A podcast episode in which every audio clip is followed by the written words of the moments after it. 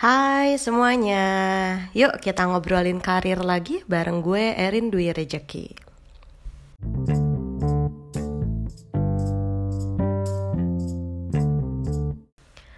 Thank you banget buat yang udah dengerin podcast-podcast gue dan juga supaya lo nggak ketinggalan sama info-info penting atau follow up hasil dari ngobrol-ngobrol kita kemarin coba follow juga ya um, LinkedIn gue Erin Dwi Rejeki dan juga Twitter gue Erin underscore dr ada beberapa uh, materi atau ada beberapa tweet-tweet gue tentang karir yang bisa lo um, follow juga, lo ikutin dan kita justru bisa diskusi juga di sana, gitu ya.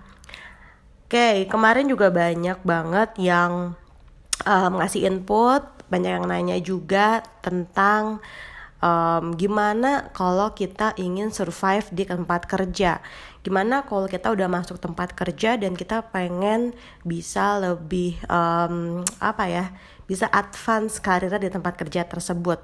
Tips-tipsnya apa aja sih Rin gitu. Banyak yang nanya. Um, kemudian juga banyak yang nanya gimana kalau nanti pengen cari kerjaan baru gitu kan gimana mulainya buat cari kerjaan baru itu nanti kita bahas. Di episode yang keempat ini gue akan lebih ceritain atau gue akan ngobrolin tentang gimana caranya supaya lu bisa sukses bisa sukses maksudnya di karir lo ya. Nah gue kemarin juga belajar hal ini um, dari Jody Glickman.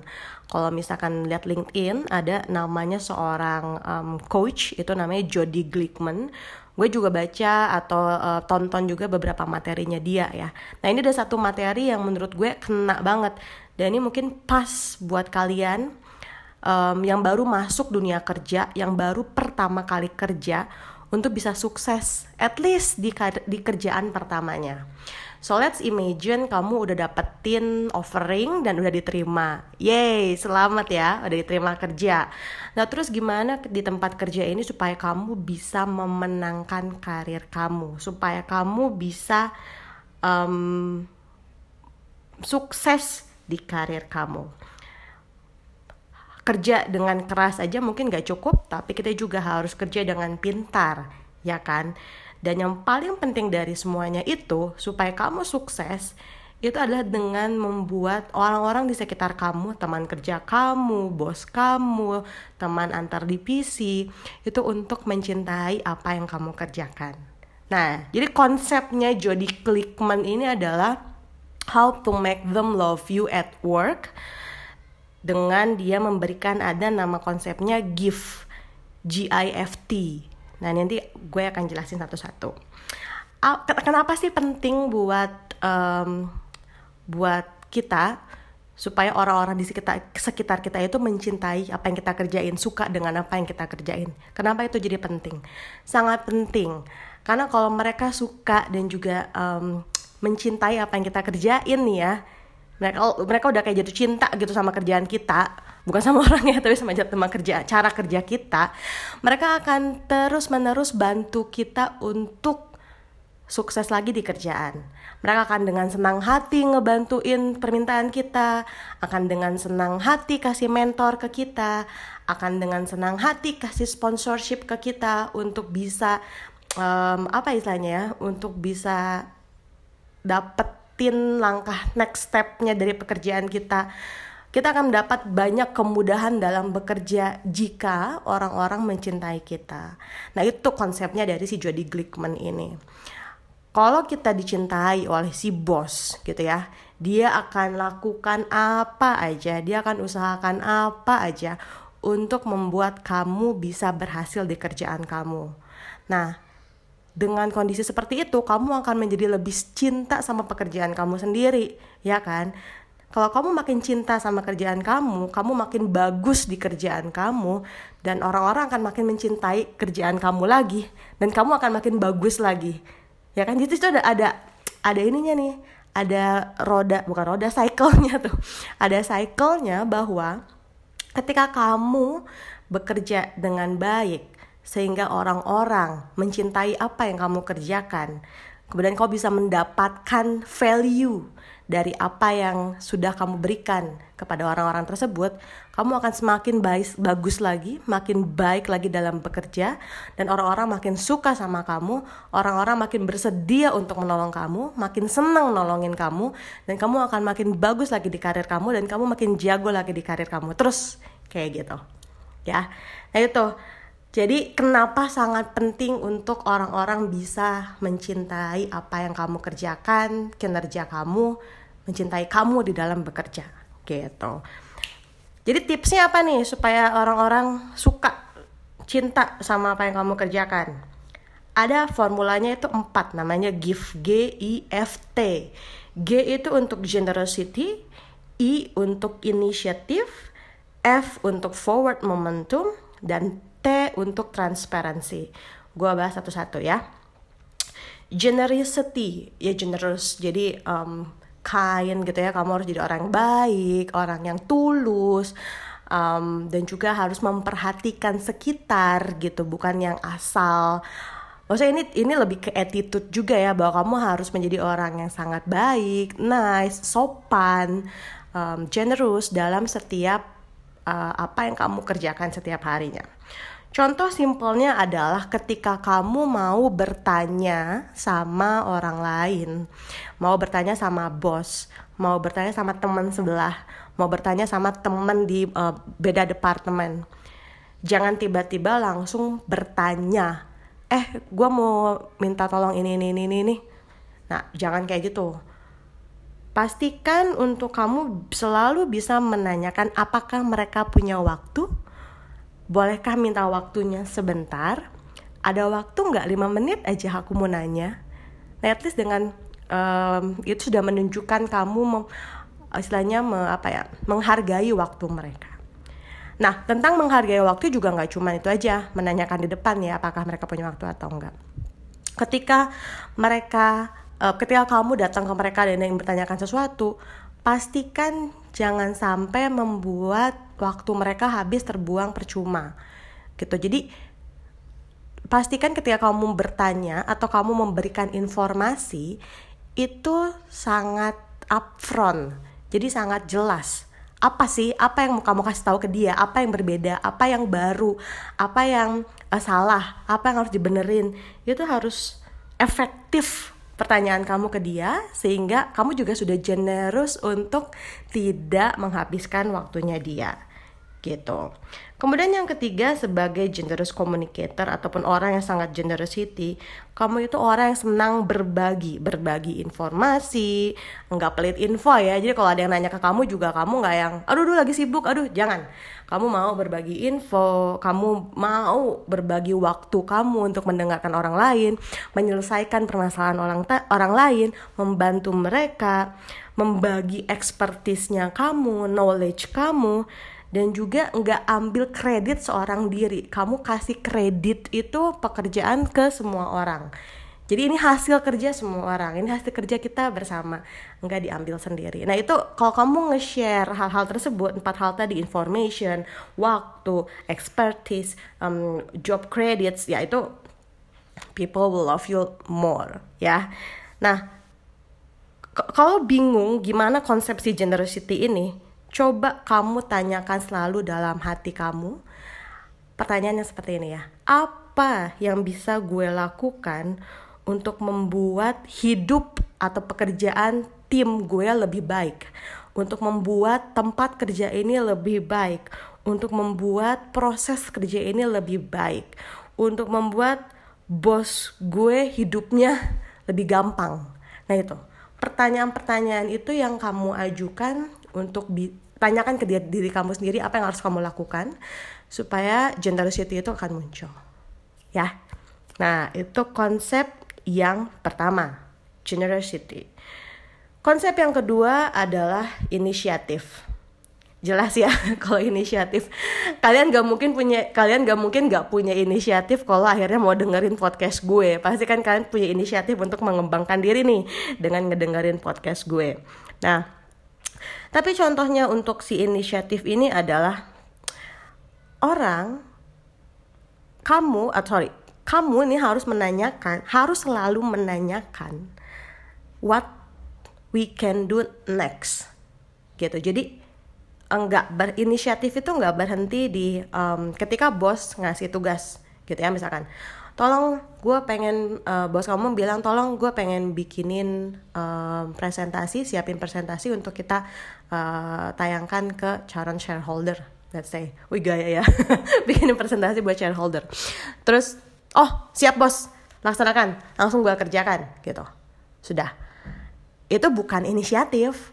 Inisiatif yang baik itu adalah kamu aware kamu bertanya, kamu mencari tahu lagi resource atau bahan-bahan yang kamu butuhkan untuk bisa kamu sukses di tugas kamu itu tadi gitu. Jadi bukan yang oke okay, kamu kerja sendiri, kamu uh, inisiatif itu kamu cari tahu sendiri ya kan nanti come sama something dat datang lagi ke si bosnya. Ini bos draft untuk presentasinya. Terus bosnya bukan yang kayak gini, salah. itu kan lebih bete. Jadi mending kamu inisiatif untuk menanyakan ke si bos kamu itu Oke bos, saya akan siapin si uh, uh, draft presentasinya buat shareholder. Ada advice mungkin orang yang tepat yang bisa saya tanyakan untuk uh, materinya. Apakah ada advice untuk uh, template-nya atau mungkin kayak gimana struktur dari si presentasinya? Supaya nanti ketika kamu balik lagi ke si bos itu memang yang kamu berikan ke dia sesuai harapannya dia. Jadi bentuk inisiatif itu nggak yang mesti kayak oke okay, gue inisiatif gue lakukan semua sendiri. No. Tapi kamu tahu bahwa kamu um, resource apa aja yang kamu butuhin materi-materi dan bahan-bahan apa aja yang kamu butuhin supaya kamu bisa berhasil di pekerjaannya kamu. Nah itu yang inisiatif tentang yang pertama ya bahwa kamu harus selalu bertanyakan menanyakan resource yang kamu butuhin Kemudian juga inisiatif itu selalu menanyakan umpan balik atau feedback. Jadi jangan nunggu cuman pas lagi performance appraisal aja, pas lagi performance review aja. Itu terlalu lama untuk kamu bisa dapetin feedback dan kamu bisa memperbaiki pekerjaan kamu dengan lebih cepat gitu. Jadi orang yang inisiatif selalu menanyakan umpan balik dari orang-orang sekitarnya, dari klien yang kamu, dari user yang kamu um, apa namanya kamu serve, dari bos, dari teman sekerja gitu. Kau bisa tanyain sama feedback, eh, menanyakan feedback kepada mereka secara berkala. Tujuannya apa? Tujuannya supaya kamu juga kerjanya akan lebih baik lagi gitu. Kemudian juga proaktif untuk menanyakan baik ke bos maupun ke sekitar gimana kamu bisa menjadi orang yang lebih memberikan value, memberikan bantuan yang lebih baik untuk teman-teman semua. Gimana caranya supaya saya, supaya kamu bisa berkontribusi lebih lagi kepada organisasi. Jangan nunggu dikasih tugas, ya kan? Tapi juga kamu lihat ke sekitar apa yang bisa gue bantu ya supaya ini lebih baik lagi apa yang bisa gue bantu ya supaya balik lagi tadi ke si generasi pekerjaan kamu lebih baik lagi. Tapi dengan memunculkan pertanyaan ini kepada orang-orang sekitar, itu menunjukkan inisiatif kamu untuk memperbaiki, mengimprove kondisi yang di sekitar juga. Nah, hal-hal yang harus kamu pahami juga bahwa gak ada yang care sama kerjaan kamu, sama karir kamu gitu yang harusnya care sama karir kamu adalah diri kamu sendiri. Jadi gimana kamu mau advance karir kamu, gimana kamu mau bisa um, apa namanya bisa nyobain hal baru, dapet challenge yang baru, itu ya cuman kamu sendiri yang tahu dan harus kamu sendiri yang take the initiative untuk meminta, bertanya, possible nggak saya ditugaskan di project yang A possible nggak saya mengerjakan project yang B kayak gitu. Jadi take the initiative untuk juga mengembangkan karir kamu mengembangkan kemampuan kamu. Karena nggak ada yang peduli. Yang peduli cuma diri kamu sendiri. Gitu ya.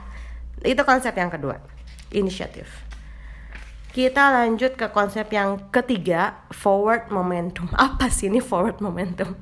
Maksudnya forward momentum ini tuh ini loh. Jadi um, konsep di mana kamu itu harus ensure bolanya terus berputar, bolanya terus di dijalankan. mungkin kalau sering dengar istilahnya ya udah kan bolanya udah nggak di gue bolanya udah di dia so that's it stop enggak jangan kayak gitu justru in, in the forward momentum ini kamu itu bisa take um, tadi inisiatif untuk terus melanjutkan si bola ensure bolanya terus berjalan baik lagi supaya kerjaan kamu selesai kerjaan kamu berhasil dan orang-orang juga akhirnya suka sama kerjaan kamu gitu jadi di forward momentum ini kamu harus selalu memikirkan oke okay, jadi setelah ini nextnya apa ya? Oke, sekarang ini um, sekarang ini lagi prosesnya ada di departemen mana? Dan setelah itu harusnya prosesnya apa lagi ya dari sana? Kapan kamu harus follow up? Waktunya kapan? Siapa follow upnya? Dan outputnya tuh harusnya seperti apa? Itu yang harus kamu pikirin tuh. Jadi jangan cuma gara-gara misalkan oke okay, ini udah rekrutmen, misalkan as Ami ya as a recruiter gitu. Misalkan gue udah punya CV, udah ada kandidat, udah CV-nya gue kasih ke user kan untuk mereka review, that's it, udah bolanya di mereka. No, nggak seperti itu. Ting nggak kayak cuma tinggal nunggu kapan mereka bisa review balik CV kita, enggak tapi kita juga harus punya si forward momentum itu untuk hey can I get back eh sorry can I get your feedback at least dalam waktu dua hari, tiga hari, so I can misalkan kasih, jadi kita bisa kasih update juga ke si kandidatnya, apakah ini oke okay atau enggak. Kemudian juga kayak um, apa namanya outputnya apa yang diharapkan dari proses tersebut, sehingga nanti output pekerjaan kamu juga akan lebih baik. Jadi itu selalu menanyakan dan selalu membuat plan untuk nextnya harus ngapain gitu ya. Kemudian juga ketika si um, oh ya ini ada cerita nih. Ini cerita dari si Jody Glickman juga gitu. Ternyata banyak leader-leader atau bos-bos itu ketika mereka um, ini ini ini sebagai sebagai ya sebagai bocoran aja apa yang diharapkan oleh bos kamu sebenarnya dari kamu gitu. Supaya kamu bisa bekerja supaya mereka lebih mencintai kamu gitu ya jadi si um, ada beberapa leader yang memang ternyata mereka itu nggak puas nggak langsung puas ketika bawahannya langsung bilang hey boss the job is done. Hey boss yang ini udah selesai. Ini ya ini udah selesai. Ini ya gitu. Nggak nggak cuman sampai di situ aja.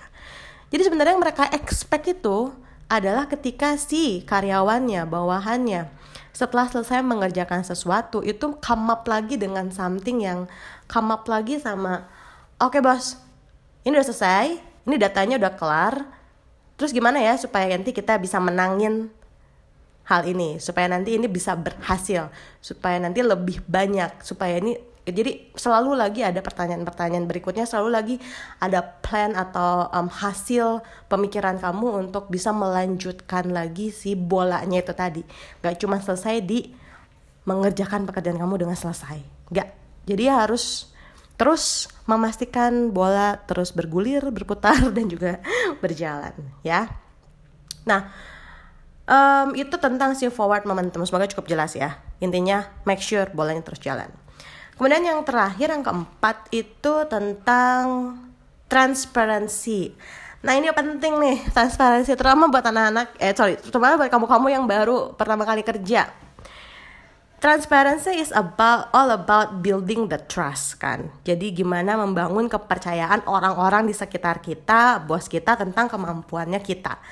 Bahwa kita cukup diper uh, bisa diper apa ya namanya di diperjuangkan lah gitu bahwa kita memang trusted enough untuk bisa untuk bisa berkarir terus di pekerjaan tersebut. Nah, jadi yang namanya build trust ini selalu menginformasikan semuanya secara terbuka baik bad news maupun good news gitu.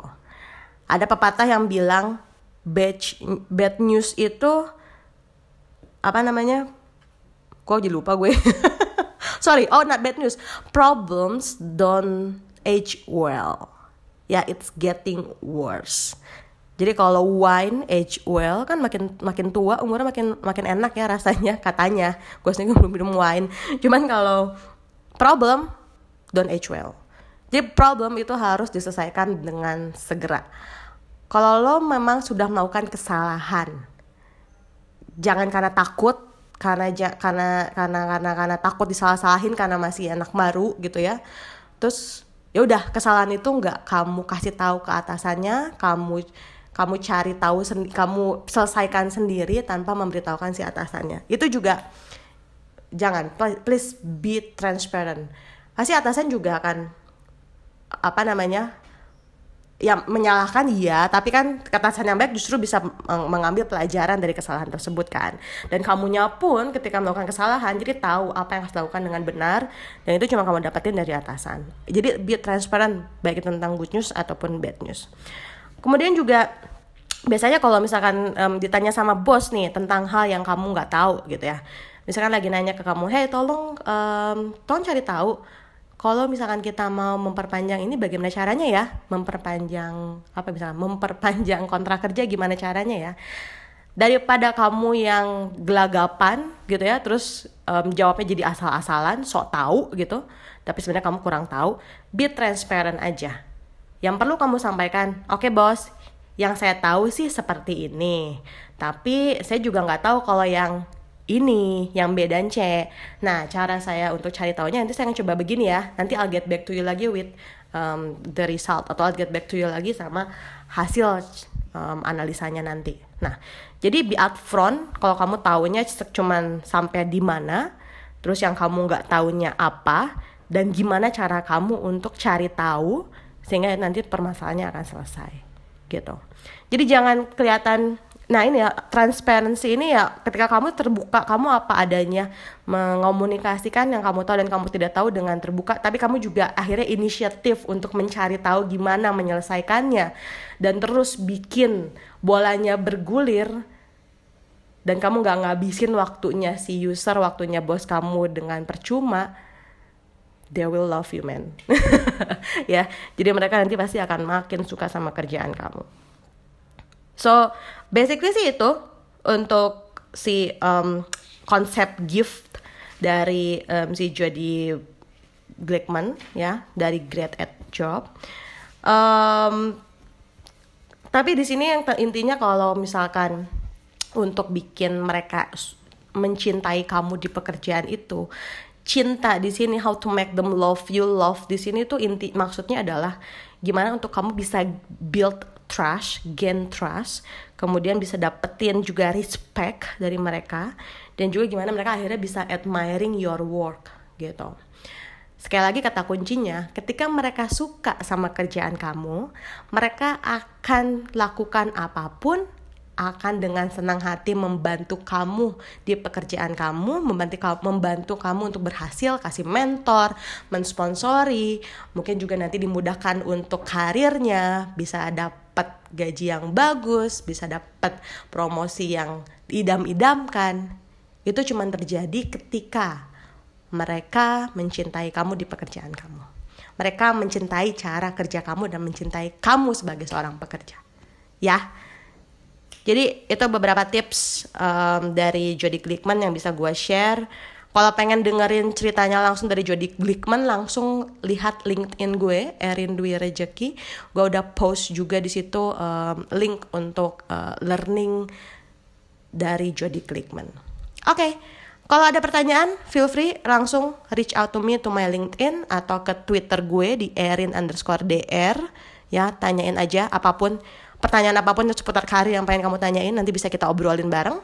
Kemudian um, apa namanya jangan lupa uh, dengerin terus. Oh ya gue juga sedikit sekalian pengumuman sih. Jadi by Monday gue akan joining ke satu company um, sudah mulai kerja lagi. Jadi nanti untuk podcast ini akan gue uh, gue akan selalu bikinnya weekly ya. Jadi setiap Sabtu atau Sabtu Minggu aja dan akan gue post setiap Sabtu dan Minggu aja Semoga nanti masih bisa dengerin podcast-podcast gue yang di episode-episode berikutnya. Tentunya tentang ngobrolin karir. Ya, see you. Bye-bye.